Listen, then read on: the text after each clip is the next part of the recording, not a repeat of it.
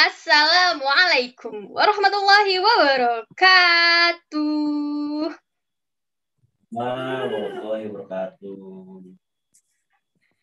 Ya, setelah sekian lama tidak melakukan obrolan-obrolan bersama teman-teman gitu ya, akhirnya dengan segenap hati memikirkan siapa yang bisa diajak ngobrol lagi gitu.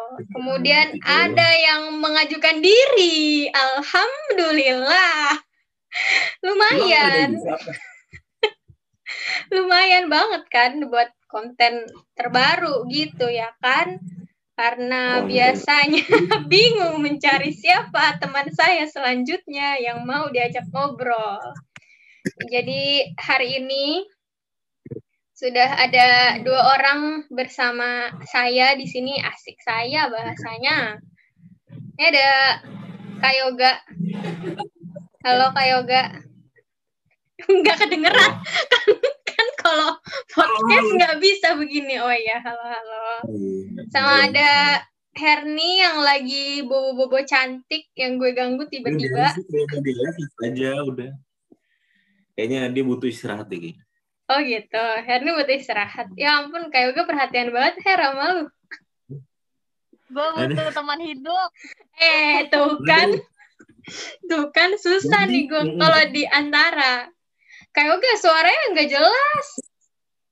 Kan jauh banget. Gimana? Nah, iya coba. Pakai tongsis. Pakai tongsis. Suara-suara. Yang penting suaranya aja sih. Halo, Ya, halo. Oke nggak? Oh ya, nah ini ini udah better. Nah jadi sebenarnya eh, kemarin tuh terakhir ketemu sama Kayoga sama Herni juga gitu terakhir. Tiba-tiba ya Kapan? gitu. Itu bulan apa ya? Oh 2000, 2020 Desember Desember kalau nggak salah. Habis acara di sekolah. Jadi masih agak ingat-ingat. Desember 2020 itu kita ketemu terus Kayoga tiba-tiba ayo buat podcast gitu ya kan. Terus kayak jangan ngobrol sama guru terus gitu ya. Jangan ngobrol sama guru mulu. Lu biar wawasannya lebih luas gitu katanya.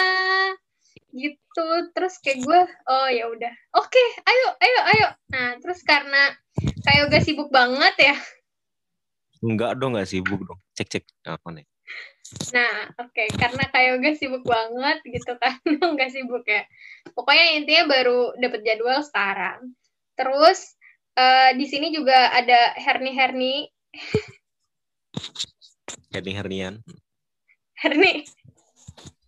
Lu masih Iya. hidup kan? Tidur oh iya. dia tidur loh, tidur Oh, dia. Udah kesian sumpah dah. Mas. Masih hidup lah sama Oh. Alhamdulillah. Alhamdulillah masih hidup ya. Dia nih sepertinya lagi Belum nafsin zaikotul maut. Jangan Wis. ngomong gitu. Astagfirullahaladzim. Keluar dah tuh statnya kayak yoga ya. Ayatnya keluar. Kemarin tuh kayak yoga tuh katanya mau cerita-cerita gitu istilahnya. Ya perjuangan di kala pandemi. Asik. Seinget, seinget gue tuh gitu. Ya gak sih kayak yoga kemarin bilangnya gitu. Tapi enggak sih, enggak, enggak pengen itu aja sih. Tapi ya, ya sering-sering aja, ngalir aja. Oh, ngalir. iya. Ngalir. Oke, kita ngalir aja ya sebenarnya. Ya jadi ini Kayoga dan Herni ini masih teman saya, ya. Kalau mereka menganggap gue teman sih sebenarnya. Eh kita teman bukan sih? Her kita teman bukan sih Her? Teman dari mana sih? Lupa gue. Oh my god tuh, gue nggak dianggap kalau sama Herni tuh nggak dianggap gue.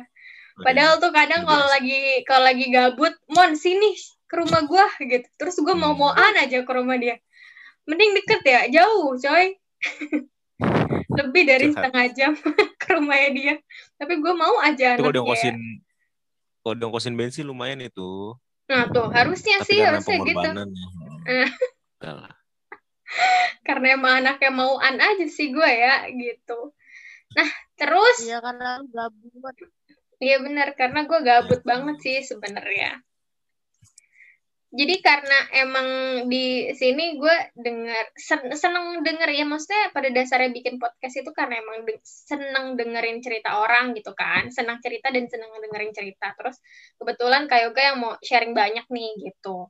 Pertama ini Kak Yoga sama Herni tuh sama-sama di jurusan sosiologi ya? Iya, Iya, kayaknya. betul. Ah, gimana sih lu? Ada. Tapi beda nih, kalau Herni tuh pendidikan, ya Her? Iya. Iya, kalau Kak Yoga tuh murni, betul nggak tuh? Iya, saya masih murni kok, Kak. Oh iya, Anda tidak kotor ya, tapi masih murni. Begitu maksudnya? Tidak suci tapi masih murni. Oh, masih murni sudah tercemar atau gimana ini maksudnya? Belum, Jadi- kan masih murni. Oke, baik-baik. Masih Aman, murni. Berarti lu kotor, Her.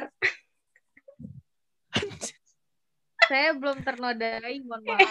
Oh, gitu. Oh gitu ya. Gue mau percaya Iya, tapi em, gimana gitu ya. Oke oke. Jadi mereka ini eh tadi temen di satu organisasi. Cuma kalau Herni tuh kita seangkatan lah. Kalau Kak Yoga ya makanya manggil Kak gitu ya. Kalau bukan manggil Dek gitu ya kan. aja. Gak mau gue disamain. Gak mau gue di, disangka seumuran. Padahal sebenarnya kita cuma beda seangkatan sih sama Kak Yoga. Eh kita beda seangkatan atau tiga angkatan ya Kak Yoga? Kagak, Kak. Aku tuh masuk beneran masuk itu tuh lima tahun. Jadi Oh my god. sementara aku udah eh masih TK aku udah SD duluan. Jadi Oh, oke Harusnya- oke. aku angkatan kalian. Oh gitu. Sebenarnya ya sama sih. SD juga saya lima tahun. Oke kita sudah bisa membahas itu. Kita sudah bisa membahas itu. Ya, jadi mereka teman-teman satu organisasi dulu, cuma Kak Yoga beda angkatan, gitu ya kan. Nah, terus eh menariknya ini, gue sebenarnya eh, pengen karena Kak Yoga kemarin yang pengen banyak cerita kan ya. Jadi ini gue pancing-mancing dulu nih sebenarnya. Jadi menariknya Kak Yoga ini dia eh, kan Herni sama Kak Yoga ini sama-sama dari sosiologi gitu kan. Herni di pendidikan. Kalau Herni itu dia eh, jelas dia jadi guru gitu ya Her. Bener nggak sih Her lu guru? Bukan saya tukang kebun sekolah. Ya, jadi Herni sekali. adalah tukang kebun sekolah. Sangat mulia sekali benar. Pekerjaannya sangat mulia Mulia sekali. Ah, mengurus iya, mengurus makhluk hidup gitu ya kan. mengurus tumbuh-tumbuhan. Ya, Agar bertumbuh lebih, ya kan? Iya benar. Dipupuk. Ini dia ngomong kagak sambil mikir ini dia. Awang aja ngawang. ngomong aja benar. Yang penting gue ngomong aja gitu ya kan. Nah, kalau misal Kak Yoga, Kak Yoga ini dia eh sekarang itu bekerja tidak sesuai dengan jurusannya waktu kuliah. Benar nggak Kak Yoga? Ya, lebih kurang. Kurang lebih. Kalau- Oke, lebih kurang. Nah, kalau gitu gue mau nanya dulu sama Kak Yoga. Kenapa Kak? Kenapa milih bekerja di luar dari jurusan? Ya, sebenarnya gue kerja iseng-iseng. Oh, iseng. Heh. Iya. Mantep. Jadi, oh ada ada yang nyari nih coba ah. Eh cocok ya udah gitu doang. Jadi kayak tanpa ada background apa-apa terus kebetulan cocok, perusahaan terima, ya udah kita mau bantu aja. Wes, mulia ya, membantu ya. Membantu sesama, benar mulia. Iya, bisa betul. Tapi tetap di akhiran mesti ada ini upah. Oh iya benar. Tidak munafik sebagai manusia butuh uang gitu ya kan. Betul. Nah, jadi gitu kayak Yoga tuh tapi beneran iseng Kak. Maksudnya nggak kayak oh gue punya apa gitu. Jadi emang dari oh merasa di tengah jalan kuliah salah jurusan ngerasa gitu gak sih? Nah, enggak, saya saya bangga dengan sosiologi dan kan dulu gua SMK-nya akuntansi, jadi justru malah malah apa ya?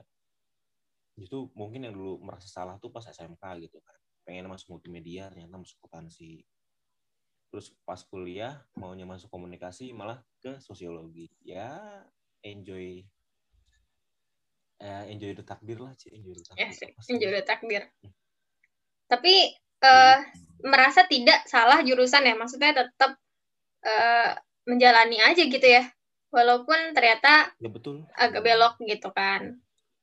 Terus Kak Yoga tuh waktu eh kan tadi kan waktu kuliah ya maksudnya kayak udah kayak ngejalanin aja gitu ya kan. Tapi kalau sekarang tuh kerjanya di bidang apa sih kayak gak? Oh, eh, sekarang tuh dari dari pas awal masuk kerja sih. Jadi waktu itu teman-teman angkatan tuh pada wisuda ingat banget tuh. pada wisuda kita iseng-iseng ngelamar. Jadi belum belum lulus ya. Mm-mm. Ternyata perusahaannya cocok, di hire lah gitu. Jadi posisi teman-teman wisuda pertama kalinya saya dapat gaji pertama kalinya gitu, pas waktu itu ya Pak. Jadi ya apa sih Eh, tadi pertanyaan apa? Apa lupa gue anjir. Oh ya, di bidang apa? Iya, di bidang facility management. Jadi setiap gedung yang yang ada khususnya di salah satu bank swasta itu kita yang ngelola gitu. Si Apa sorry sorry tadi apa kayak gak? Apanya? Tadi di bidang apa? Facility management service. Oh, oke, facility management Oh. service. Jadi itu Jadi kalau kerjaannya rumah eh, maintenance building. Jadi seluruh gedung di salah satu bank swasta itu kita yang handle gitu. Kebersihannya, kelistrikannya, semua. Sampai tadi yang soal apa? Tanaman itu kita juga yang handle. wah gila Her. Ada. Lu bisa Her. Magang di tempat kayoga, ngelamar tempat kayoga bisa Her. Tuh Her. Nyambi boleh. Boleh kalau ada freelance ya. Nah, tuh. Dia tertarik jadi apa aja yang penting ada duitnya, gitu kan Her? Ih, betul banget. Iya, banget. tuh kerja apa aja. Aduh ya Allah. Dapat duit banyak. Iya bener. Halal atau haram? Nih. Nah, ini. Tergantung niatnya sih kayaknya. Eh enggak juga sih, tetap aja kalau kerjaan haram ya haram. Oh iya. Ya. Ini lagi lurus nih. Kalau ini pakai mikir nih. Nah, ya bener. Duit itu Tapi goda gitu. ya. Iya, lebih menggoda daripada artis-artis Korea yang kinclong-kinclong kan. Oh, gila, gila. Memang- Iya, ini- kalau ini no comment ya. Ini antara dia memang berpikir seperti itu atau memang dia ini masih asbun, asal bunyi ini. Karena tanpa sadar ya. Karena entah sekarang Herni nih masih ngomongnya sambil ngelantur apa ngelamun apa dia sekarang sambil memejamkan mata gitu ya. Entahlah. Entahlah. Terus eh Oke. kayak terus waktu eh, maksudnya kan kalau sekarang nih kerjanya di luar jurusan gitu kan. Tapi ini tadi masih menyangkut apa ada nggak sih kayak misalnya di sosiologi tuh atau di waktu kayoga SMK gitu ya mata Ya. kuliah atau pelajaran-pelajaran yang menyangkut pekerjaan hari ini kayak ngerasa ada nggak sih oh ternyata ilmu ini berguna ya waktu gue kerja kayak gitu ya ada nggak atau nggak sama sekali bener-bener kayak struggling banget nih sama yang baru semua gitu Kalau untuk di level pas awal-awal sebagai sebagai staff kan kayak apa? Hmm, mungkin dalam ilmu ketika pas sekolah itu ya akuntansinya kepake sih gitu karena kan perhitungan gitu kan. Di kerjaan itu ngitungin gaji orang gitu, gitu. Terus kebutuhan di project itu apa aja, presentase gimana gimana. Itu awal-awal. Cuman kalau sekarang sini kan udah apa ya, ditunjuk, diamanahkan untuk jadi SPV lah, seenggaknya jadi membantu backup ngontrol anak buah. Nah itu lebih pakai sosiologinya sih. Jadi gimana kita maintain anak buah, gimana kita coba komunikasi dengan divisi lain, dengan atasan gitu. -gitu. Nah itu sih yang kepake di dari sosiologinya itu sih. Jadi lebih lebih gampang lah untuk untuk bermanuver bukan manuver apa mengaplikasikan gitu. Komunikasi ke orang komunikasi ke teman-teman di area gitu. Tidak ada yang tidak bermanfaat sih selama ini ilmu apa pun. Misalnya saya teknik nuklir misal saya teknik nuklir misalnya nih terus masuk ke bank itu juga pasti ada ada. Kalau ada yang bilang aduh gue nyasar nggak ada yang kepake. Enggak lah nggak nggak seratus persen nggak ada yang kepake pasti ada dan dan apa yang yang gue tangkap itu kalau kuliah itu bukan sekedar teori ya. Tapi lebih ke pola pikir sih emang berasa banget. Jadi jadi ini kita langsung ngomong aja apa case-nya gitu ya. Soalnya di mungkin beberapa perusahaan juga kayak gini atau beberapa tempat lah intinya.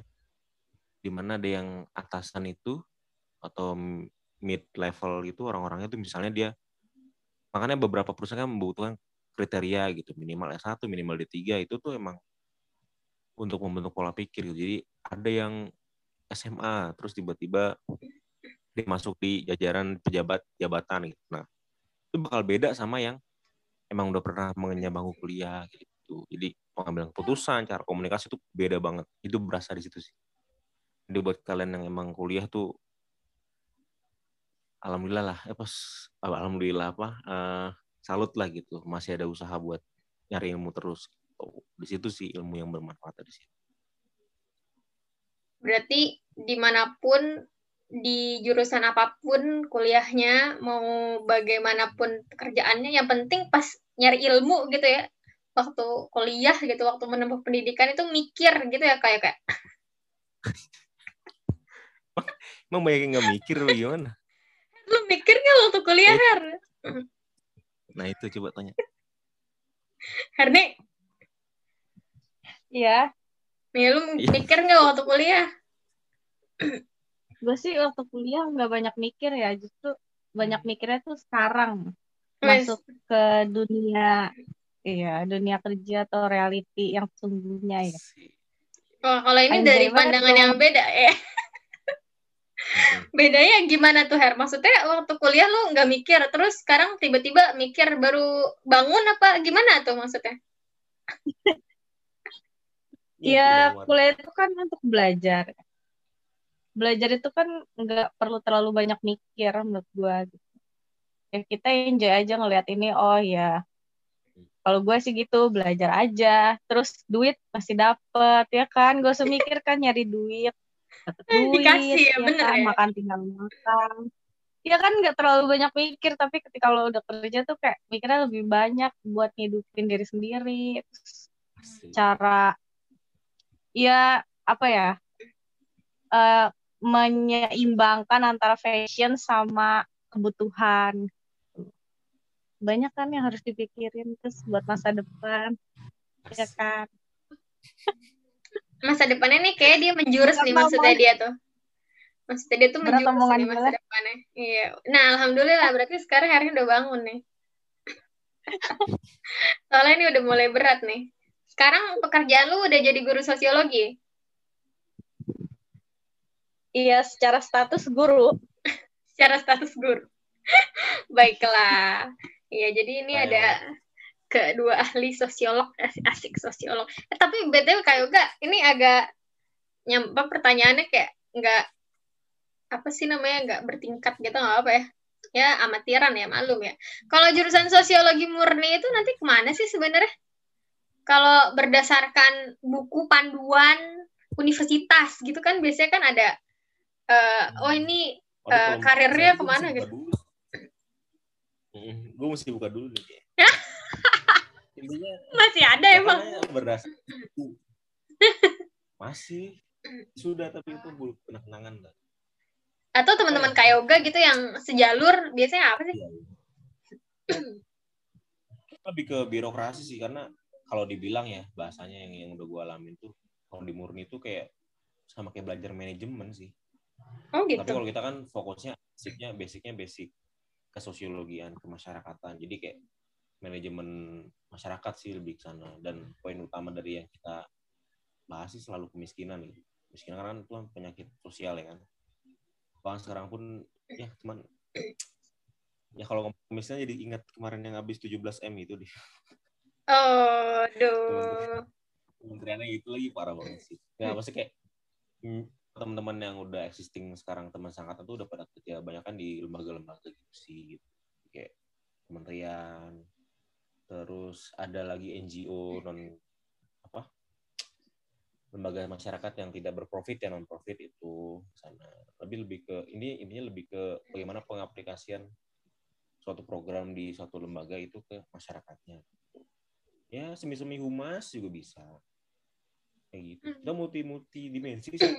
Waktu pas kuliah tuh belajar sosiologi agama sosiologi ekonomi sosiologi apa pedesaan kayak gitu. Terus sampai psikologi sosial gitu belajar juga. Jadi lebih kayak kayak ini sih kayak sudut pandang sih. Berarti lebih luas ya? Eh tapi Har, kalau dari pendidikan sosiologi, terus dia karir di bidang kayak gitu yang tadi kayak gue sebutin, tetap bisa kan? Bisa aja sih selama dia punya kompetensi di pekerjaan dia, menurut gue ya. Tapi ada temen semua lu yang yang kayak gitu nggak?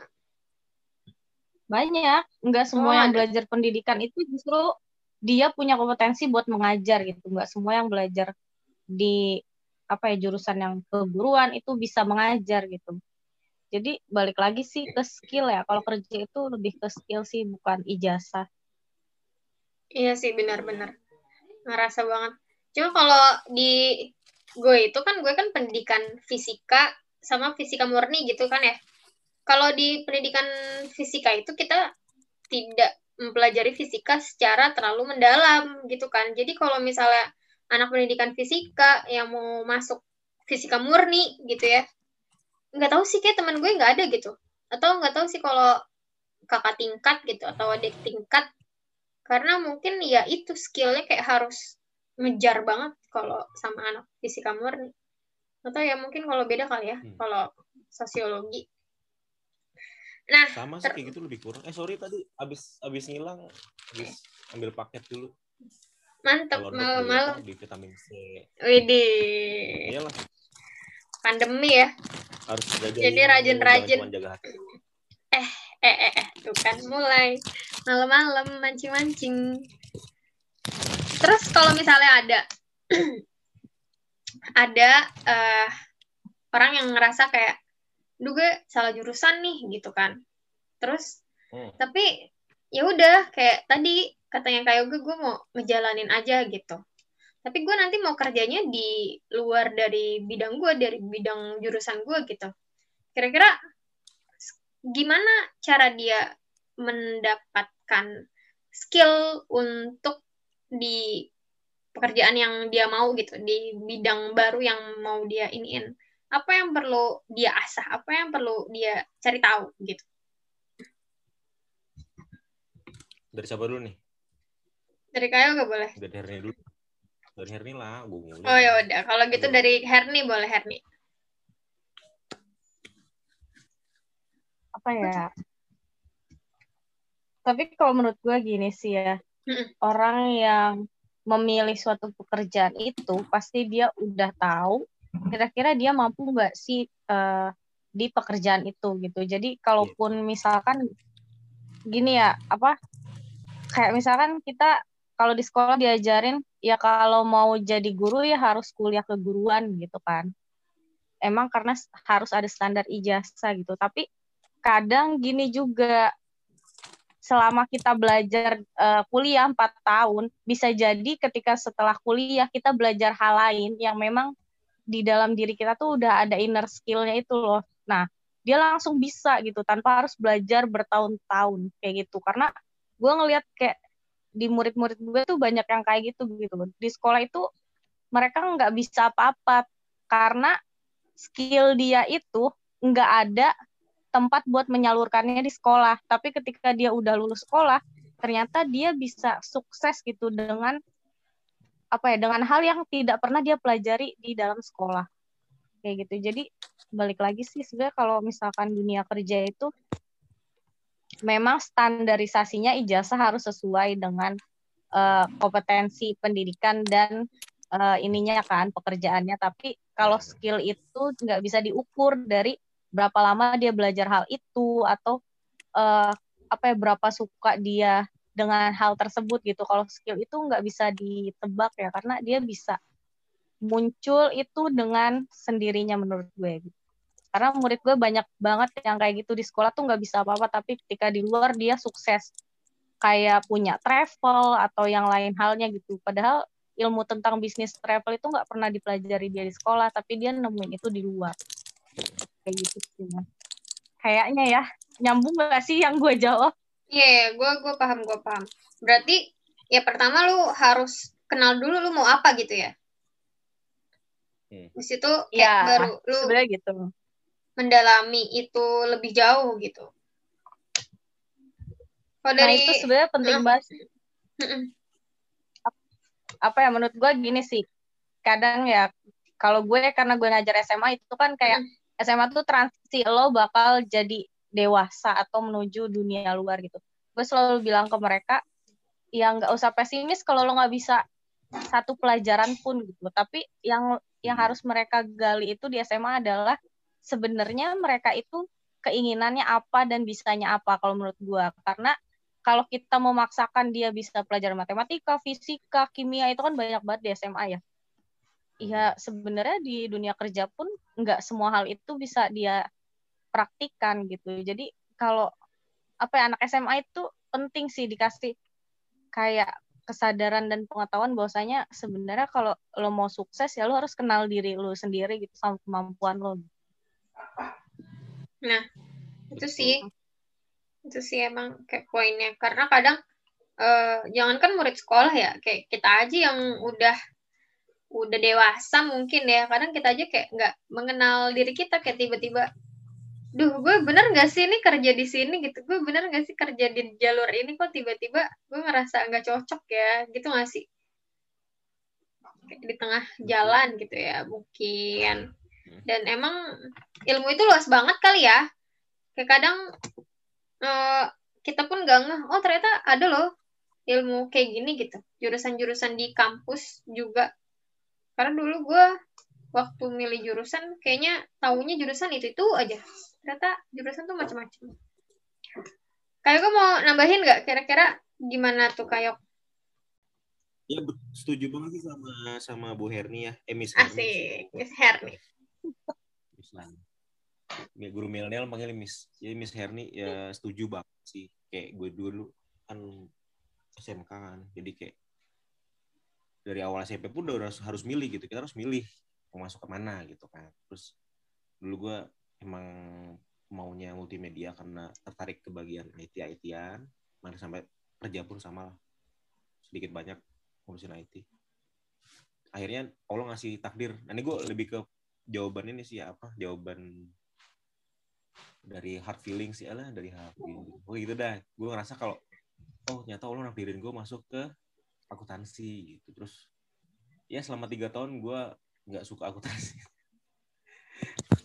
Luar biasa nggak gue ngelewat, ngelewat tiga tahun itu dengan tidak sukaan akhirnya di ujian terakhir akuntansi waktu yang dikasih tahu kalau sebenci-benci kalian sama akuntansi tolong untuk ketika ujian terakhir ini cintailah selama beberapa minggu bilang gitu kan waktu gue inget banget. Ya udah jadi gue mendalami akuntansi pas ujian praktek doang tuh when when when praktek. Masih ada when ya kita ya kan hmm. baik sekarang. Kayak kayak gitu. Terus sampai yang kedua juga sama disuruh milih ke univ nah karena SMK itu modelnya kan apa ya lebih condong ke bekerja gitu kan. Makanya guru BK pun ya kayak eh silakan yang masuk SMA yang masuk kuliah mana aja gitu. Kayak kalau hanya, ter, hanya orang tertentu doang yang mau langsung kuliah gitu, lanjut kuliah. Gue waktu itu iseng-iseng iseng-iseng lagi balik. Gue pokoknya iseng-iseng lah. Kerja iseng-iseng nih kuliah iseng-iseng. Ternyata alhamdulillah nyoba nyari-nyari info beasiswa yang kita semua dapat bertiga ini dapat ya kan alhamdulillah. Ya udah masuklah di kuliah gitu. Jadi kayak dan ketika bil gue gue masuk sini kenapa? Gue harus tahu alasannya kenapa. Gue milih sosiologi kenapa? Dan kenapa gue masuk UNJ di kampus kita ya. Asik kampus kita. Berpositif thinking sih barangkali rezekinya dari sini. Ataupun kalau bahasa anak sekarang ya coba mendamai dengan hati. Mungkin jodohnya gue dari sini misalnya gitu. Oh oke okay, ternyata sempet berjodoh dengan anak UNJ cuma hmm. ya udah ini diselipkan curhat colongan ya guys ya, nggak apa-apa. Yes. Monica mendengarkan cerita apa pun. Atau nanti kayak tiba-tiba nanti ini ceritanya dari karir ke perjodohan ya tetap bisa. Luar biasa emang konsultasinya. Jadi temanya nggak jelas. Yang penting ngobrol. Iya benar. Yang iya, penting ngobrol. Oke oke oke. Jangan gibah. Oh, yang, iya benar yang penting jangan gibah ya. Gibahnya nanti aja setelah ini. Salah. Tetap tidak boleh.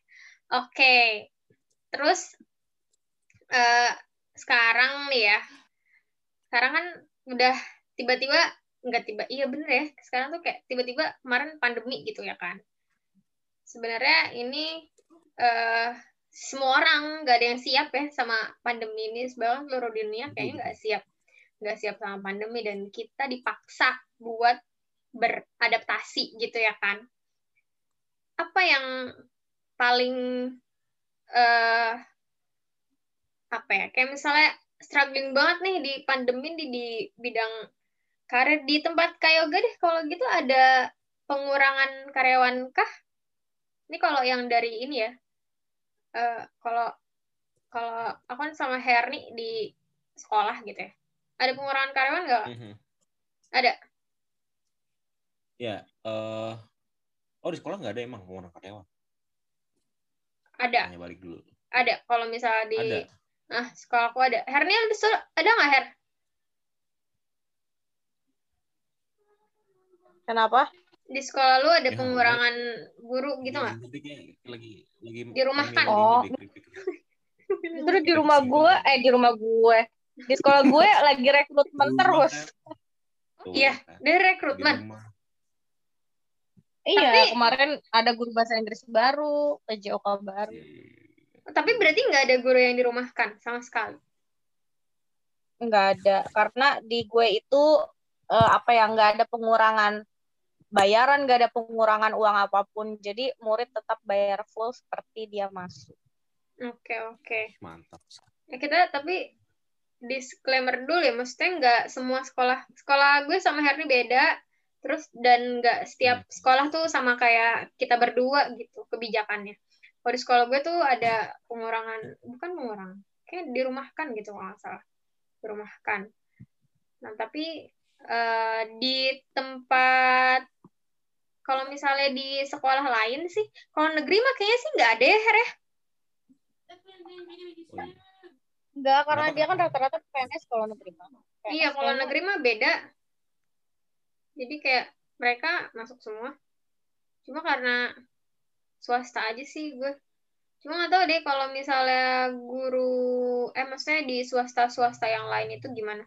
Tapi yang pasti kalau di sekolah itu uh, susah bayaran sih orang tuanya karena ya namanya lagi pandemi ekonomi merosot gitu ya kan orang tua susah bayaran jadi kayak pemasukan sekolah pun jadi berkurang gitu istilahnya. Sekolah lu gitu juga nggak Her? Atau sekolah mah orang tuanya tajir-tajir tanpa ada efek-efek pandemi gitu?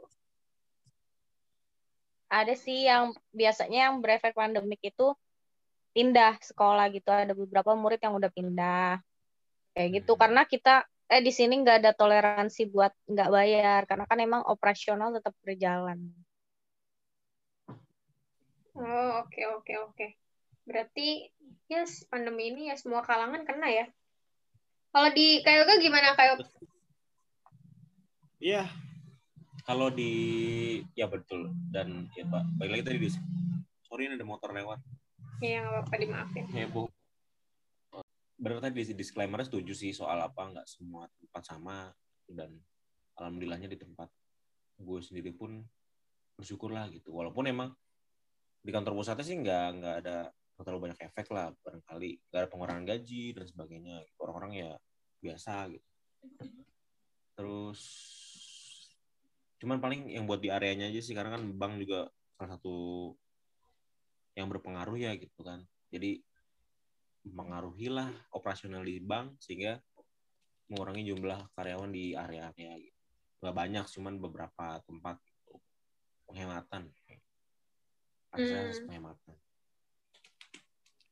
Ya, bersyukur berarti, itu sih, nggak dipotong gaji, gaji nggak telat gitu. Oh, berarti alhamdulillah ya. Itu kayak bagian kayoga aja gitu ya. Tapi apanya? Iya, maksudnya kalau yang yang selamat lah bisa dikatakan masih iya. rezeki lah. Iya, masih rezeki lah. Tapi kalau di bagian lain ya begitu mungkin ya terkena ada efeknya. Uh. Kalau di luher gimana? Nggak ada pengurangan potongan gaji gitu enggak? Nggak ada sih, tapi nggak ada uang tambahan lain gitu. Jadi ya udah kalau lagi di rumah ya pakai kuota masing-masing gitu. Oh, jadi kuota nggak dapet ya? Enggak, karena gajinya kan full. Hmm, kayak sama aja itu uang transport loh gitu kayak. Oh, transport dikurangin. Enggak, jadi tetap dibayar. Jadi kalau di rumah itu ya kuota itu sama kayak uang transport. Oh, karena transportnya tetap dibayar. Jadi kayak kalau transport kan nggak pakai kuota. Kalau berkuota kan nggak pakai transport gitu aja. Jadi Iya betul. Substitusi. Tapi lu dibebasin Her, maksudnya kayak ke sekolah atau enggak atau gimana sih? Ada jadwal ya? Oh ada jadwal. Seminggu berapa kali? Seminggu dua kali ke sekolah. Minimal ya? Iya. Oke okay, oke. Okay. Yoga seminggu berapa kali kak ke kantor? Ya pokoknya seling sehari enggak sehari masuk. Oh gitu. Senin sampai gimana? Berarti kayak tiga sampai dua hari ya? Dua sampai tiga hari. Iya tiga atau dua hari. Iya tiga sampai dua, dua atau tiga hari. Ya, minggu depan kan ada Imlek berarti dua hari. Oh iya benar. Ntar lagi Imlek libur coy. Terus. Ah iya benar ya Allah hujan mulu. hujan mulu. Allahumma soiban nafi'ah. Oh iya, alhamdulillah. Hujan itu rezeki. Betul begitu, Ibu Guru Herni? Miss Herni Betul. Gimana? Oh iya, Miss Herni. Gue tuh kayak harus sering banget manggilin Herni, soalnya ntar kayak takut dia bobo gitu. memastikan memastikan dia masih memastikan dia masih ada di sana gitu ya kan. Terus nih ya. Uh, ini kan nggak tahu nih ya pandemi sampai kapan gitu ya kan. Kita digantungin karena tidak ada kejelasan gitu. Terus banyak hipotesa hipotesa hipotesis sih guys hipotesis hipotesa hipotesa hipotesis ya pokoknya semacam itulah ya yang bertebaran bahwa kalau misalnya Indonesia tuh istilahnya aja kalau mau vaksin vaksin aja baru kelar sekitar 10 tahun. Tadi tuh baru baca ya. 10 tahun gitu. Iya betul. Dan itu ya Allah, maksudnya itu berdasarkan penelitian gitu ya kan. Bukan dari yang lain-lain gitu. Dan itu lama banget gitu. Nah, kira-kira uh, gimana cara kita buat bisa masih bertahan gitu ya? Khususnya maksudnya kayak misalnya di Kayoga deh. Uh, di di bagian maksudnya kalau gue sama Erni kan yang pendidikannya nih. Selama ini uh, perusahaan Kayoga tuh masih bisa bertahan? Ataukah ada mengalami kemunduran gitu? Ataukah masih kayak oh masih bisa survive nih selama setahun nih ya setahun ya setahun dulu. Itu gimana kayak dari perusahaan Kayoga sendiri? Masih dibilang masih bisa survive nggak? Tapi apakah ada penurunan ataukah tetap sama aja gitu? Masih. Lebih ke masih. apa? Karena bu, apa ya uh, faktor faktor keamanan buat kawan dalam arti apa keamanan tuh yang meyakinkan bisa survive itu adalah karena kan yang dipegang ini jasa-jasa keuangan kan gitu. Kita maintenance jasa keuangan. Jadi kayak walaupun emang ada penurunan di sektor keuangan tapi kan setiap kita pasti butuh di sana gitu. tetap tetap ada kehidupan tetap ada pergerakan di bidang keuangan. Nah itu dia sih yang yang bikin perusahaan di tempat saya itu ya, saya tempat gue itu bisa survive gitu. walaupun emang ada penurunan dari dari tahun kemarin kan juga sempat di divisi gue tuh sempat monitoring itu kan apa ya income ya ya expense-nya apa aja itu ya emang ada penurunan sih secara nggak langsung gitu. Hmm, ada dan, penurunan dan tapi masih bisa survive, oke. Okay. Hmm, ya karena ya tadi sektor keuangan gitu. Berarti emang pandemi ini uh, bisa dibilang ada beberapa sektor yang bisa survive, tapi ada juga yang benar-benar anjlok banget gitu ya. Nah, terus gue mau anjlok kenapa? Ya sektor retail kayak oh, iya. ya dagang-dagang yang langsung ya. Karena pada pindah ke online juga tapi kan ada beberapa sisi yang emang butuh ketemu langsung butuh interaksi langsung butuh butuh interaksi lah inti dalam dalam retail itu cuman kan ya harus pindah ke online semua sekarang itu. Iya sih benar dan ya kalau nggak kreatif kreatif banget kalau nggak bener-bener mikir banget gitu ya kan ya ya udah apalagi nih sekarang udah setahun ya. Nah terus gue mau nanya ya, nih. Miss mm -mm. Miss Herni oh ya bener jadi Miss Herni ini ya Miss Herni Miss Herni ini adalah salah satu orang yang bisa dibilang kreatif gitu. Karena dia mencari jalan apa pun supaya bisa dapat duit.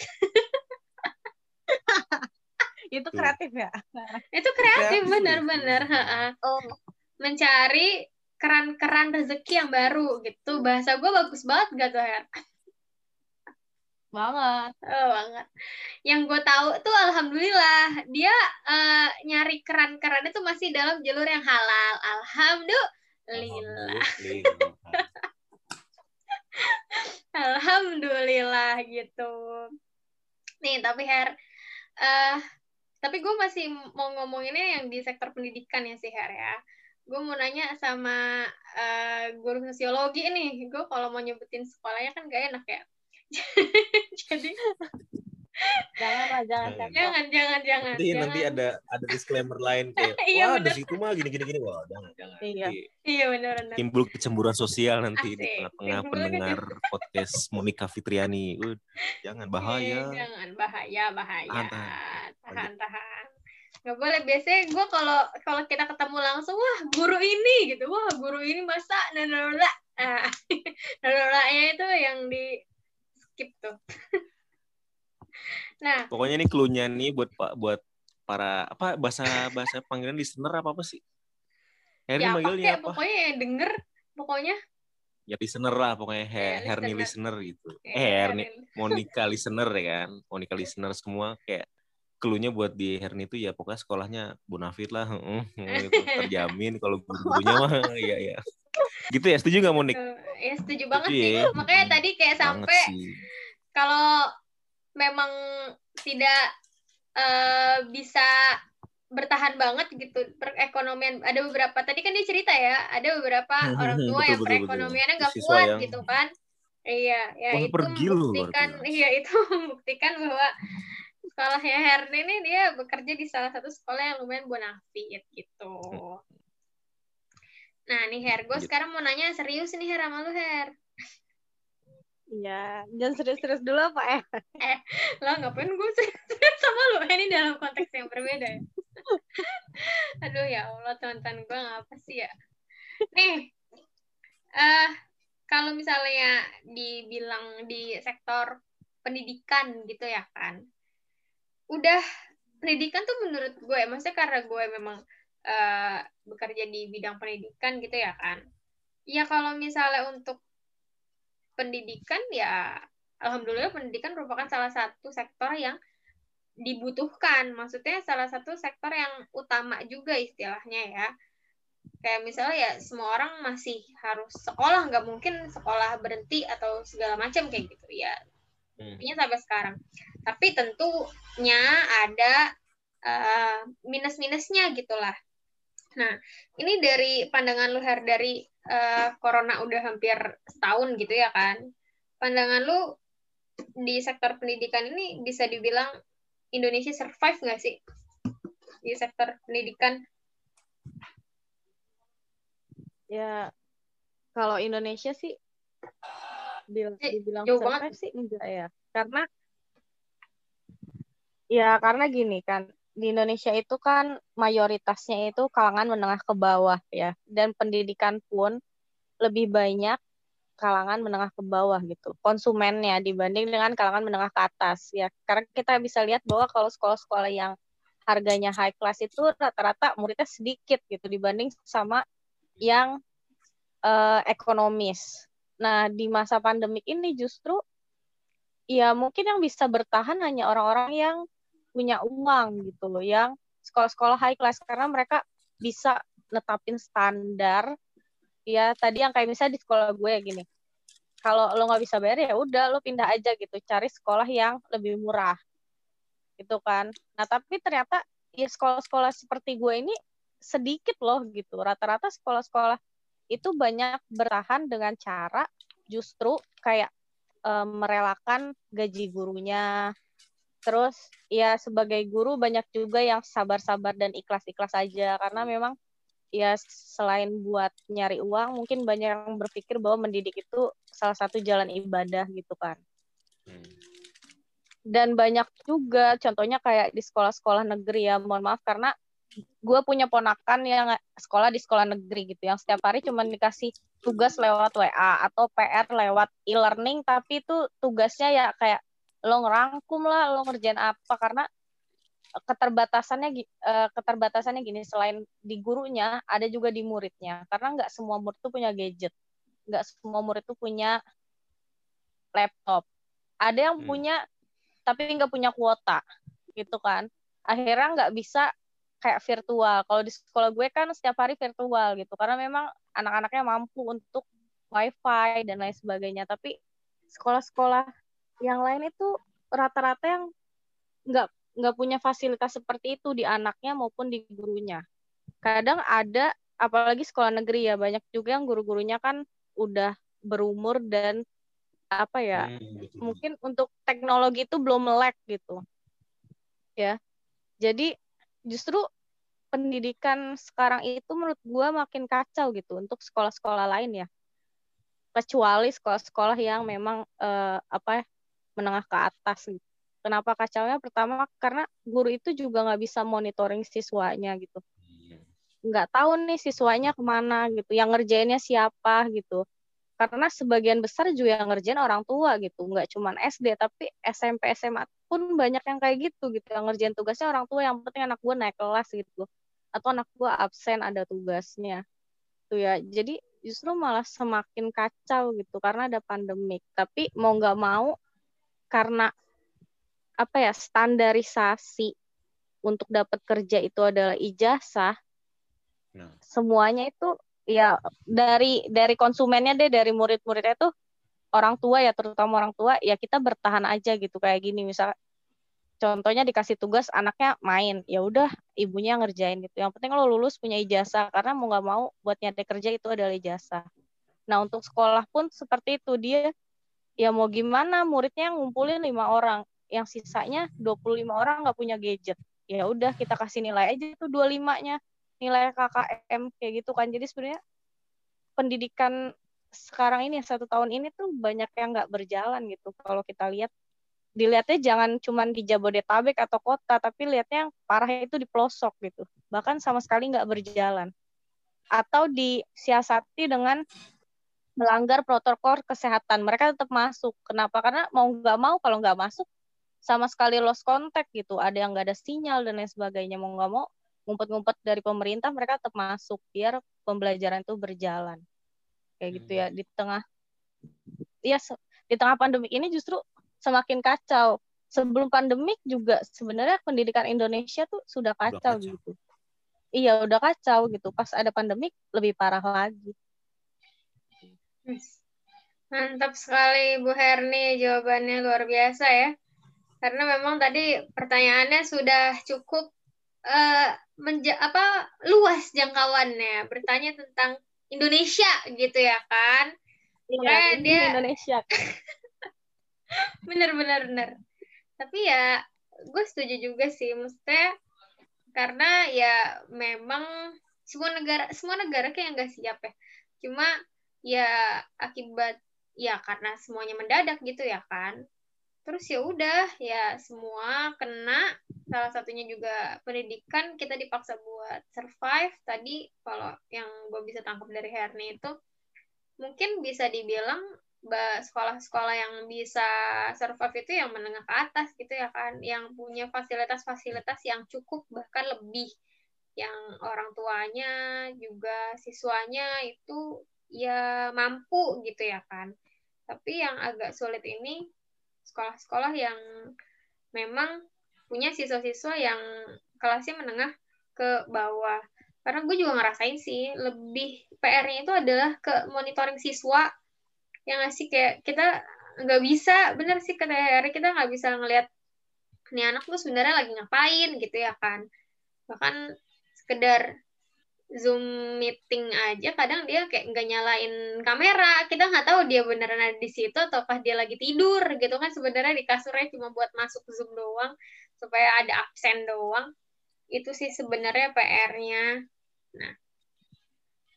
Terus ini sih, kalau gue berpendapat PR-nya di pemerintah juga sih dalam arti kayak kemarin gue aja main ke Bogor kabupaten ya. Di sana tuh bilang di sini mah Kang apa ya uh, anak-anaknya tuh jadi pada nongkrong di suatu tempat. Jadi kayak karena wifi susah di namanya di Kabupaten Bogor loh ya kita nggak usah jauh-jauh pelosok deh. Kabupaten Bogor aja udah kayak ada keluhan kayak gitu. Jadi dicerita kalau di tempatnya itu anak-anak sekolahnya itu pada nongkrong di suatu tempat buat nyari akses wifi. Habis itu kayak ya yes, mungkin absen atau ngejalan tugas sebentar terus malah mabar gitu kan. Sana pada mabar gitu kan. Terus kayak usul dari masyarakat sana juga bilang uh, mestinya mah lockdown mah nggak usah ada gitu. Ini sekarang malah diterusin lagi. Kayak nyesel kayak merasa kecewa dengan peraturan yang sekarang. Nah kalau dari pandangan gue pribadi itu kok ngeliat ini tuh kayak ya setuju gitu. Dalam arti kalau ada yang pernah bilang dokter kita dokter Tirta kalau nggak salah ngomong.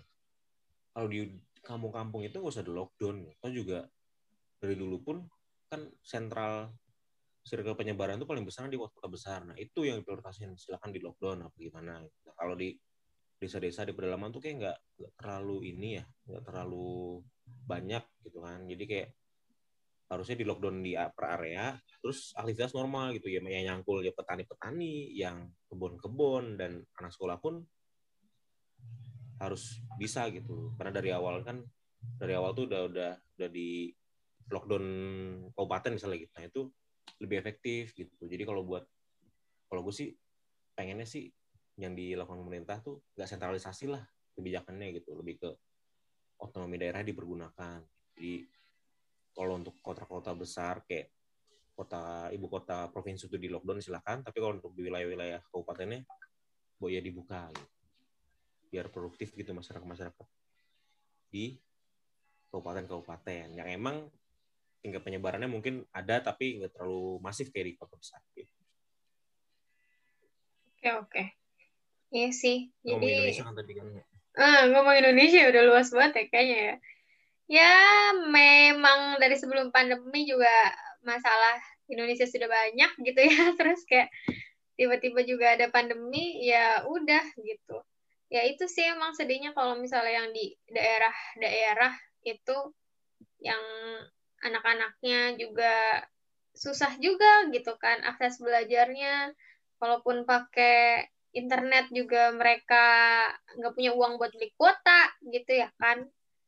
Dan bahkan ada juga yang pakai ngasih tugas-tugas aja kayak misalnya kayak ngasih buku LKS udah kerjain gitu. Nanti kumpulin dalam jangka waktu berapa seminggu atau sebulan kayak gitu ya kan cuma ya emang tadi sih yang balik lagi katanya Herni nggak bisa maksa semuanya gitu buat maksudnya kalau misalnya oh ada solusi ini gitu kan. Cuma kan kita nggak bisa melihat sudut pandang solusinya hanya dari satu aja tapi kayak dari yang lain yang lain yang lain itu beneran jadi solusi atau enggak gitu? Ataukah itu cuma solusi buat si bagian A doang gitu karena ya masalahnya semuanya saling berkaitan sih gitu.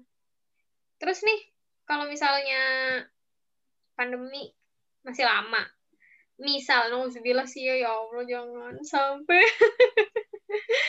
Tapi kalau misalnya melihat uh, ya walaupun ada isu-isu yang pertama misalnya kan kemarin tuh awal ada berita-berita vaksin gitu ya kan itu kayak angin segar gitu ya bagi beberapa golongan masyarakat terus tapi uh, angin segarnya tiba-tiba dikaburkan karena tiba-tiba juga ada penelitian yang tadi ternyata corona masih uh, kalau di Indonesia kemungkinan masih 10 tahun lagi kalaupun pakai vaksin gitu ya kan.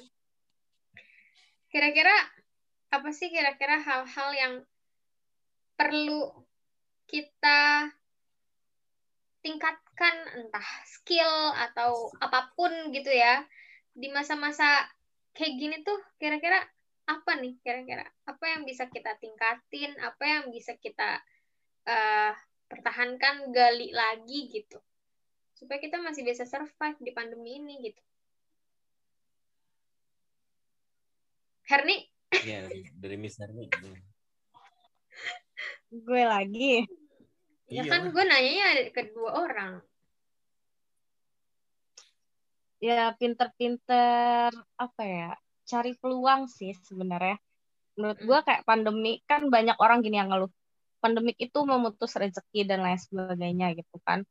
Itu untuk sebagian orang yang pemikirannya itu sempit gitu menurut gue karena banyak juga kayak pengusaha-pengusaha yang akhirnya mengganti produknya itu sesuai dengan kebutuhan saat pandemi. Hmm. Menurut gue kalau kita tahu peluang gitu kayak kita melihat bahwa pandemik nih oh, orang butuh masker, ya udah gue tadinya jualan misalkan lontong sayur jadi jualan masker. Atau misalnya uh, butuh banyak hand sanitizer dan desinfektan gitu. Karena gue ngerasa pas awal-awal pandemik gue jualan hand sanitizer itu banyak banget yang beli gitu. Ya memang karena butuh gitu kan. Nah ya caranya itu kita lihat peluang dulu kira-kira di pasaran ini yang dibutuhkan masyarakat tuh apa gitu. Kemampuan apa atau produk apa atau jasa apa menurut gue. Nah dari situ kita bisa apa ya coba untuk survive. Karena kalau misalnya kita terlalu sempit pemikirannya ya gue cuman jualan ini loh. Terus pas pandemik nggak ada yang beli ya udah cuman meratapi nasib atau menyalahkan pandemik bahkan menyalahkan pemerintah gitu kan. Hmm. dan ada juga yang menyalahkan Tuhan mungkin. Itu kan ya saking stresnya ya Allah hmm. gitu kan kenapa saya ini saya mati kelaparan nih gitu kan. Ya Allah iya banyak loh yang kayak gitu gitu. Gue sebenarnya gue kemarin tuh sempet nyuruh anak murid gue buat bikin penelitian kecil dari tetangga atau orang-orang yang pernah mereka lihat apa sih yang perubahan dari perubahan hidup dan perubahan pola pikir orang yang mereka lihat tuh segelintir orang itu selama pandemik ini. Dan ada beberapa anak gue yang bilang kayak gitu yang pandemi ini membuat orang jadi nggak bertuhan mis katanya gitu. Kenapa? Karena mereka merasa bahwa iya kenapa gue susah banget gitu. Sedangkan gue sholat terus setiap hari. Kayak gitu. Ada juga yang menyalahkan pemerintah dan lain sebagainya. Ya sebetulnya itu sih.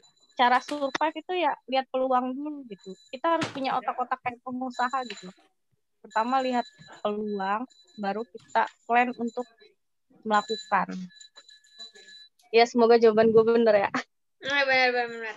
Sebenarnya Herni ini menjawab sesuai dengan apa yang dialami gitu ya kan. Karena ya gue tau banget dia jualan apa aja gitu kan. Selain mengajar gue juga sebenarnya pengen belajar juga nih dari dia. Konsep otak-otak jualannya tuh kayak kadang dia ada aja gitu.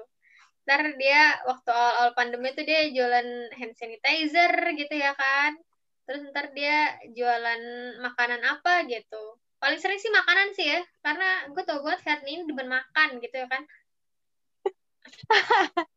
Betul dan makanan itu kebutuhan orang setiap hari. Hmm. ah, betul. Iya benar benar benar. Jadi ada dua alasan kuat gitu karena semua orang butuh makan dan dia juga suka makan. Jadi itu mungkin alasannya dia buat usaha-usaha di bidang makanan gitu dan alhamdulillah sampai sekarang masih jualan ya Her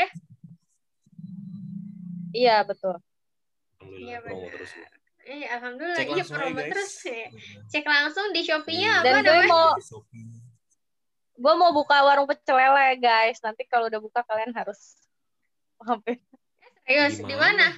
Serpong. Dekat rumah gue. Oh iya benar. Bukan bukan Tapi lebih banyak rumah. online sih. Enggak, di gue buka outletnya tapi tetap buka by GoFood dan Grab karena menghindari kerumunan kan. Oke, oke, oke. Nah gitu ya. Jadi kalau tipsnya dari Herni dia emang cari-cari peluang. Buka, buka lembar saham nggak tuh? Dijual nggak saham? Asik. Bukan modal dong. Tuh kan? modal dong. Gila, gila. Di sini aja sudah bisa hasil sharingnya bisa saling ini ya. Menanam nah, modal karena, gitu kan tiba-tiba gitu ya kan? Iya karena kalau dari gue sendiri apa kalau tadi Herni kan lebih ke brand entrepreneur ya kan? Kalau mm -hmm.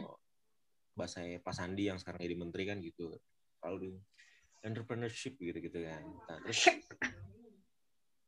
uh, mungkin kendalanya di satu lain pihak nggak semua orang punya modal gitu kan. Pasti ketika gue nonton videonya Pak Sandi itu pasti di video itu pernah nanya bagaimana Pak seandainya kita ingin berusaha sudah dapat ide tapi tidak, tidak ada modal dulu gitu. Nah itu sih uh, problem dari yang di apa sekarang pandemi gitu kan. Solusinya tadi udah dikasih tahu tuh soal entrepreneur gitu. Nah kalau untuk masalah modal itu ya itu apa kita kalau dari gue sih apa ya gimana ya mesti banyak sharing kayak gini sih dalam arti tadi kan gue jadi kayak tertarik nih waduh Herni punya punya mau punya franchise aja. Asik. Kan, franchise. itu bukan franchise ya, kelele. Ya, kalau alam nanti jadi franchise kan jadi mantap gitu. Nah, iya, betul, jadi, betul. Kecetus, kecetus omongan buka nggak tuh apa buka buka slot nggak mau dijual ke publik nggak sahamnya karena kalau dari gue pribadi sih gue ngasih solusi lain tuh kayak investasi sih gitu kan walaupun pemerintah sekarang kan kayak justru ngasih suntikan dana ke karyawan gitu kan terus ngasih suntikan dana ke guru gitu kan ada ada insentif-insentif baru tuh kemarin tuh gitu. Nah itu kan tujuannya untuk meningkatkan daya konsumsi masyarakat gitu kan karena kan nilai kemarin tuh nilai nilai angka kredit aja sampai minus nilai angka kredit sampai plus gitu nggak salah. Jadi tuh kayak membuat neraca kalau bahasanya Prof. Rizal Hamdi kalau nggak salah deh itu udah gawat perekonomian Indonesia. Nah kalau gue ngeliat sudut pandang dari situ sih karena gue udah udah nyoba kemarin itu apa kita gue tuh punya sedikit apa punya sedikit modal gue coba buat investasiin. Itu lumayan sih hasilnya gitu. Jadi kalian kalau emang ada kalau emang ada sedikit harta daripada ditabung bisa di bisa ditawarkan ke Miss Herni ini gitu. Barangkali Wee. bisa berkembang di Miss Herni gitu. Mantap, atau enggak? mantap. atau enggak ke yang gue udah lakuin sih itu sih. Gue gue coba tabung tabung saham gitu atau nggak reksadana gitu sih. Itu lumayan. Dan itu ilmunya tuh masih nyari gitu. Kita sama-sama sama belajar. Di IG banyak kok tuh kan yang ilmu analisa perkembangan portofolio gitu-gitu. Ya lebih lanjutnya nanti bisa Monik bisa ngam, ma, manggil apa manggil narasumber yang kompeten ya di bidangnya. Tapi iya sih. Kita kan hanya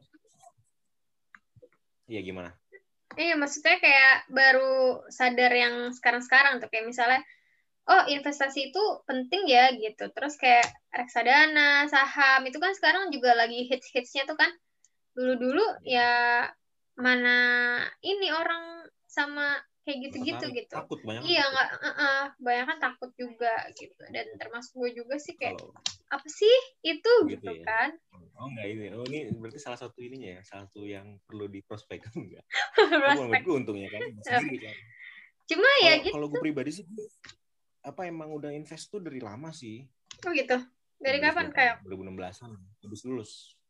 Oh, habis lulus. Kerja tuh udah mulai uh, terus kemarin juga saat ke sini sini juga oh ya udahlah lagi pandemi gini nah itu juga ada bayangan kita kan kayak yang belum tahu jadi takut dan sebagainya. Terus tiba-tiba nyari nyari info di IG nyari info di medsos misalnya gitu. Yang dilihat tuh cuman mantap profitnya segini. Wah gue ntar bakal dapet duit segini dalam waktu berapa minggu misalnya gitu. Itu sih yang bahaya gitu. Tapi ya kan maka dari itu perlu banyak ini sih preferensi gitu. Nggak nggak sembarangan nggak cuman saham itu resikonya besar tapi cuannya juga besar. Tapi nah justru karena dengan itu perlu banyak belajar gitu. jadi nggak sembarangan nggak neko-neko pengen cuan tinggi tapi resiko nggak dilihat mengabaikan tuh salah juga.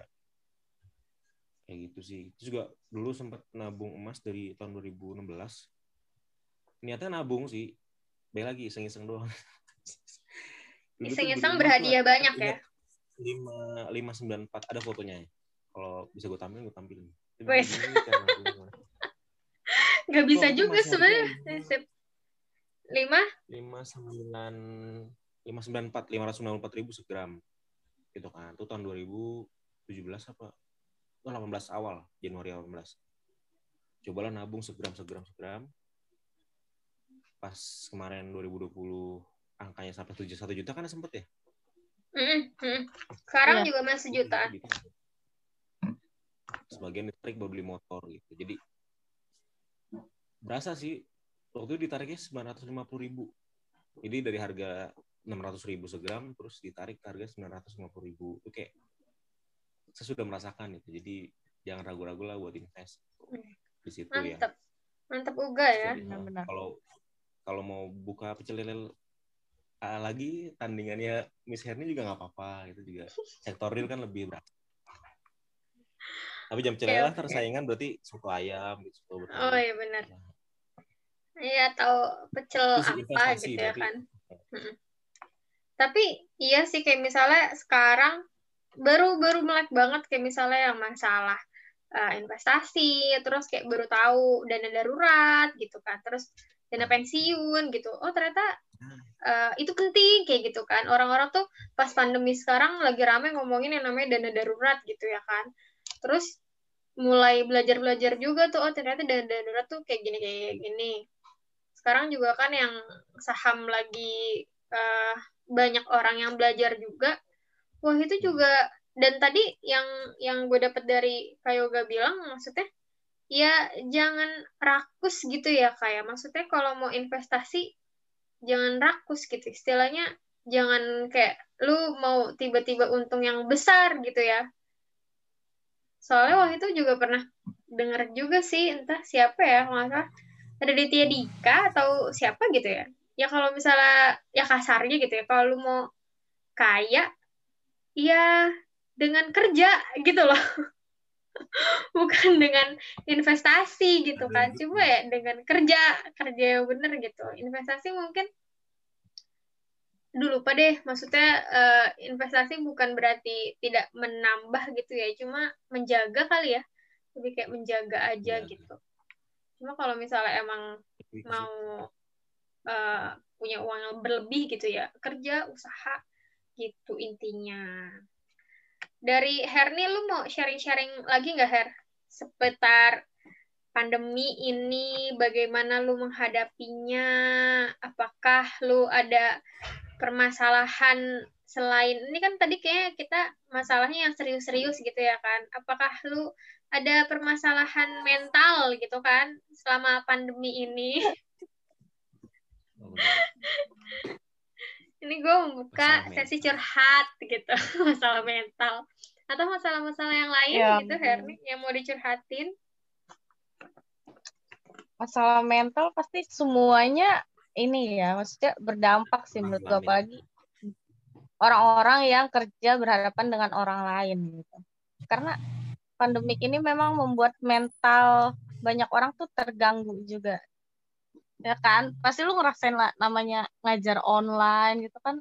Kadang ya tadi yang lu bilang anaknya matiin kamera entah dia tidur atau apa kita nggak tahu gitu kan. Itu kan salah satu apa ya sebuah hal yang bisa mengganggu atau menjadi dasar perubahan mental kita gitu yang tadinya kita semangat buat ngajar terus ngeliat anaknya cuman ada dua orang yang nyalain kamera ya pasti down juga gitu kan kayak ya udahlah gitu kan. Sama juga sih sebenarnya kayak balik lagi sih anak-anak juga pasti mentalnya terganggu gitu. Kenapa? Karena mereka biasa bertemu dengan temannya atau misalnya bisa jadi ada masalah ketika mereka terlalu banyak di rumah gitu kan. Karena sekolah itu juga bisa jadi tempat mereka untuk lari dari rumah kan gitu sedangkan sekarang mereka harus di rumah terus gitu menghadapin orang tuanya gitu kan karena kan nggak semua anak yang merasa nyaman dengan rumahnya atau enggak semua rumah itu bikin nyaman anak atau orang tua kayak gitu ya. Nah itu jadi hal yang apa ya sekarang itu kita kan Indonesia ini kalau kita bicara pendidikan waktu itu siapa ya? Menterinya Anies siapa masih Anies kalau nggak salah dulu tuh bilang apa sih namanya pendidikan karakter membangun karakter ya pandemik ini justru menghancurkan karakter. Itu. Enggak sih, enggak semua, tapi sekian persen menghancurkan karakter karena memang ya sekolah virtual, mereka enggak bertemu sama gurunya, terus kadang mereka juga nggak tahu belajar apa. Ya gitu kan. Terus juga banyak yang nggak cuma perubahan mental sih perubahan fisik gitu. Karena banyak anak murid gue yang jadi kurus gitu. Gue bingung dah selama pandemik setahun gitu. Anak murid gue yang gendut sekarang kurus. Gue bingung tuh. Oh, baik, apa baik, ini baik, mempengaruhi ya? Iya gitu kan. Ada Tapi juga kan- yang tadinya kurus jadi gendut. Nah betul. Jadi perubahannya banyak wan nih perubahan apa ya? Penghasilan mental gitu kan terus bahkan fisik gitu. Terus lo ada tips-tips gitu ya kan atau eh, trik tips and trick ya Allah tips and trick banget tips and trick gitu. Buat cerita-cerita lah maksudnya kayak oh gue bisa survive atau gue masih belum bisa survive di ini gitu. Di bidang percintaan gitu misalnya ya Lah, Allah. Aduh, aduh, aduh. nggak usah buka mulai membuka kartu ya ya segitu sebenarnya aja. gini kok Mm-mm. kita Gimana, tuh gimana? eh apa ya kan apa ya kan pandemi ini datang secara tiba-tiba yang tiba-tiba itu selalu bikin shock ya kan oh iya baik nah ketika kita shock kita pasti berperilaku apa ya istilahnya nggak beraturan gitu nggak nentu. Kalau kita shock ya kayak gitu. Sama sih kayak bisa ngadepin percintaan nih lah kok kita ketemu satu kejadian nih yang nggak yang nggak biasa kita pasti shock juga kan. Gitu kan. Tapi ada tapinya nanti lama-lama juga terbiasa gitu. Bisa beradaptasi bisa survive. Seiring dengan berjalannya waktu ya anjay. Baik baik kayak macam anak senja gitu ya seiring berjalannya Iya. waktu. Seiring berjalannya waktu semua itu akan baik-baik aja ya kan? Asik asik asik. Oke oke, benar semoga semua akan baik-baik saja ya segera mungkin. Tuh. Oh, dari Kak Yoga nih gimana kak? Mau cerita apa lagi nih kira-kira? Bagaimana eh, permasalahan-permasalahan pandemi ini survive di pandemi atau cerita waktu itu pernah mengalami masalah yang berat banget ya Allah gue kayak ngapain gitu ya gimana kayak dulu ya, bentar lagi imigrasi. oh baik baik imigrasi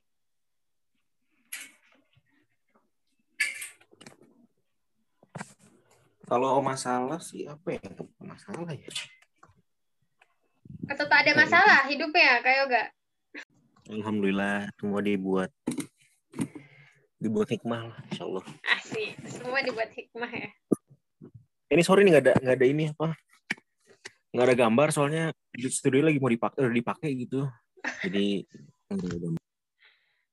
oke baik baik Ya, Tapi jadi kira-kira apa dari Kayok yang kayak eh, hal dalam diri Kayoga ya gitu, yang kayak membuat Kayoga masih bisa survive nih di kala seperti sekarang. ya jadi Duh, sedih sih mau ceritanya. ya gitu. Kalau di pandemi berarti ya paling berkes bukan ber- berkesan yang nggak nggak bisa dilupa ya kepergian orang tua gitu. Hmm, Karena karena kondisinya tuh jadi bapak-bapak sama ibu waktu itu tuh emang penyintas sebenarnya gitu. Waktu itu kondisinya kayak gitu. Jadi waktu itu cepet banget kejadiannya dari tanggal 4 September 2020 sampai kapan? 8 September itu ibu nggak ada terus lanjut di 24 September bapak nggak ada. Jadi kayak itu sih yang bikin ceritanya sih panjang banget sih ntar lagi sampai ini besok pagi Iya benar. Berarti nggak nyampe sebulan itu ya Kayok ya? ya dua minggu dua hari Iya. dan banyak banyak banyak anomali anomali yang terjadi di saat itu dan terlepas dari meninggalnya karena wabah tapi ya udah takdir Allah banyak banget tanda-tandanya kayak gitu sih dan Berarti pesan Ah, ah. Pesannya kalau kita masih ada orang tua gitu jaga gitu. Jaga sebaik-baiknya usaha kita gitu. Terlepas dari takdir Allah gimana? Ya, sebenarnya kita udah ngasih ngasih yang terbaik buat mereka. Walaupun emang nggak nggak bakal bisa cukup. Nggak ada yang bisa ngebandingin dari apa mereka udah kasih sih gitu. Itu sih. Kalau pandemi jaga kita jaga diri jaga orang-orang yang tersayang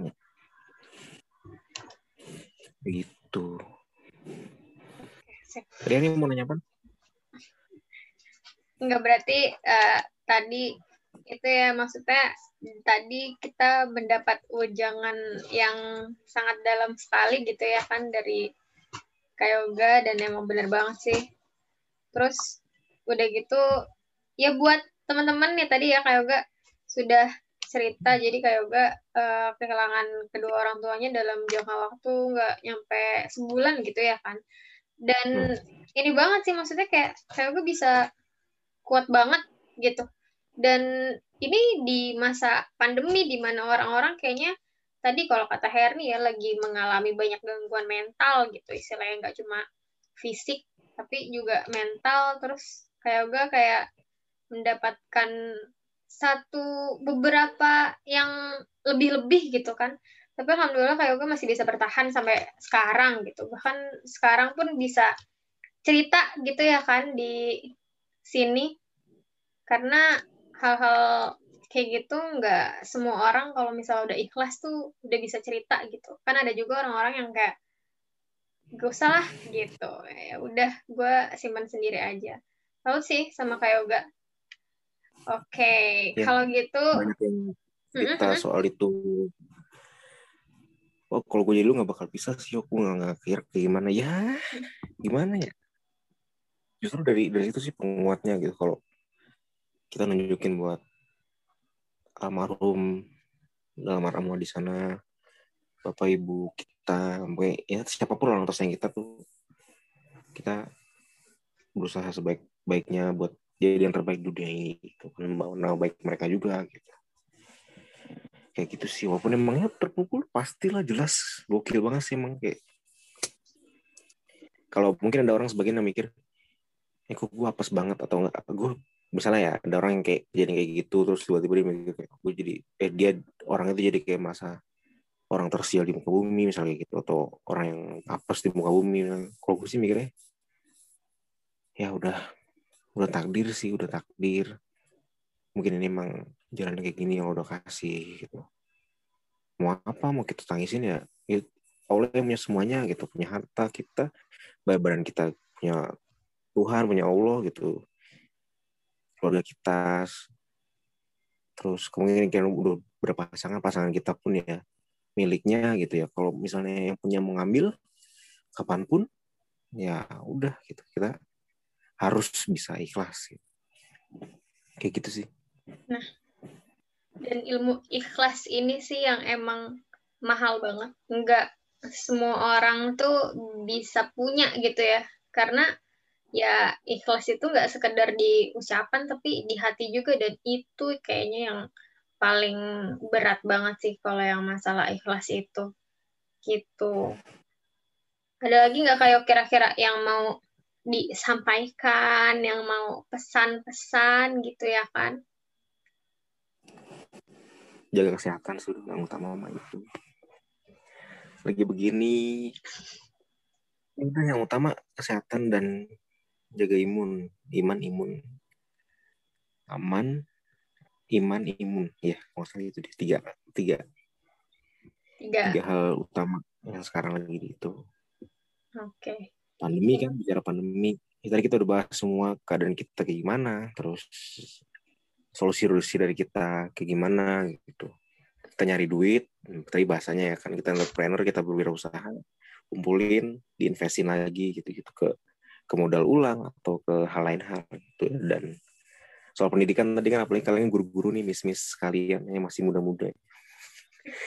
Jadi kayak ini mau berasa banget sih uh, sektor yang luar biasa berubah itu tadi bilang pendidikan itu memang Indonesia sebelumnya belum bener di tahun pandemi jadi kayak beginilah keadaannya selain itu ya udah pandemi kita jadiin pelajaran lah. Kalau gue sendiri nangkapnya semua hal yang terjadi selama pandemi ini jadi hikmah. Gitu. Betul sekali. karena kita tidak bisa mengendalikan pandemi ini ya sekali lagi kita bukan Tuhan yang bisa udah kayak stop gitu. Kita mau marah-marah kayak gimana pun kayaknya kalau Allah nggak mengizinkan ya udah pandemi ini tetap ada gitu kan. Dan kalaupun penelitian sudah menunjukkan oh Indonesia 10 tahun lagi baru bisa vaksin ini kalau vaksin ya atau 10 tahun lagi baru bebas pandemi gitu. Cuma kan kalau Allah maunya oh ya udah besok udah kelar Indonesia ya udah gitu kan. Hmm, ya udah yang kita bisa kalau aku sih ya kalau aku sih kayak yang tidak bisa kita kendalikan yaitu sih. Ini juga belajar juga sih kayak dari seminar-seminar dari buku-buku di ya udahin aja gitu. Karena yang bisa kita kendalikan ya respon kita sendiri terhadap sesuatu sesuatu itu gitu. Ya tadi ya. Tadi yang tadi kita udah cerita-cerita juga oh kita bisa cari peluang oh kita bisa investasi oh kita bisa harus jaga kesehatan gini gini gini gini gitu. Oke okay, guys, terima kasih banyak hari ini yang sudah menemani Monica untuk ngobrol-ngobrol. Dari yang bercanda sampai yang serius, sampai yang serius banget gitu ya. Kita sudah hampir satu jam lebih kayaknya deh. Terus yang kita sampaikan pada hari ini itu murni pendapat kita masing-masing belum tentu benar menurut kalian gitu ya. Kita hanya menyampaikan pendapat ya menurut kita aja. Kalau menurut kalian ada pendapat benar yang lain ya ya sudah. Kita cuma ngasih pandangan-pandangan baru yang menurut kita itu benar gitu. Bahkan menurut kita juga nggak tentu benar juga sih. Itu aja obrolan kita hari ini. Terima kasih banyak teman-teman yang udah mendengarkan. Semoga ada manfaat walaupun dikit yang bisa kita ambil dari obrolan kita hari ini. Ada manfaat yang teman-teman bisa ambil dari obrolan kita hari amin, ini. Amin. Iya. Thank you. pasang foto gini tadi aturannya ngapain gue ini? Ya Allah. ini gue doang yang memasang video gitu. Kayak pada ya, mematikan video, video iya biasanya kalau anak-anak yang kayak gini gue marahin nih buka videonya. Bu Monik itu nggak suka kalau nggak diperhatiin. Nggak diperhatiin itu nggak enak ya. Aku aku, aku merhatiin mulu kok Bu. Tapi kayak Bu, Miss Herni kayaknya lagi sibuk dengan hal lain kayaknya Bu. Miss Herni apa udah bobo Miss Herni oh tuh kan dia sudah Oh, oh masih masih udah, yuk, tutup masih. ini ditutup dulu. Kalian jangan kabur dulu ya. Ini gue tutup dulu podcast untuk kali ini. Terima kasih banyak teman-teman yang sudah mendengarkan sampai habis. Dah, Dadah, sampai bertemu di podcast berikutnya. Assalamualaikum warahmatullahi wabarakatuh. Waalaikumsalam.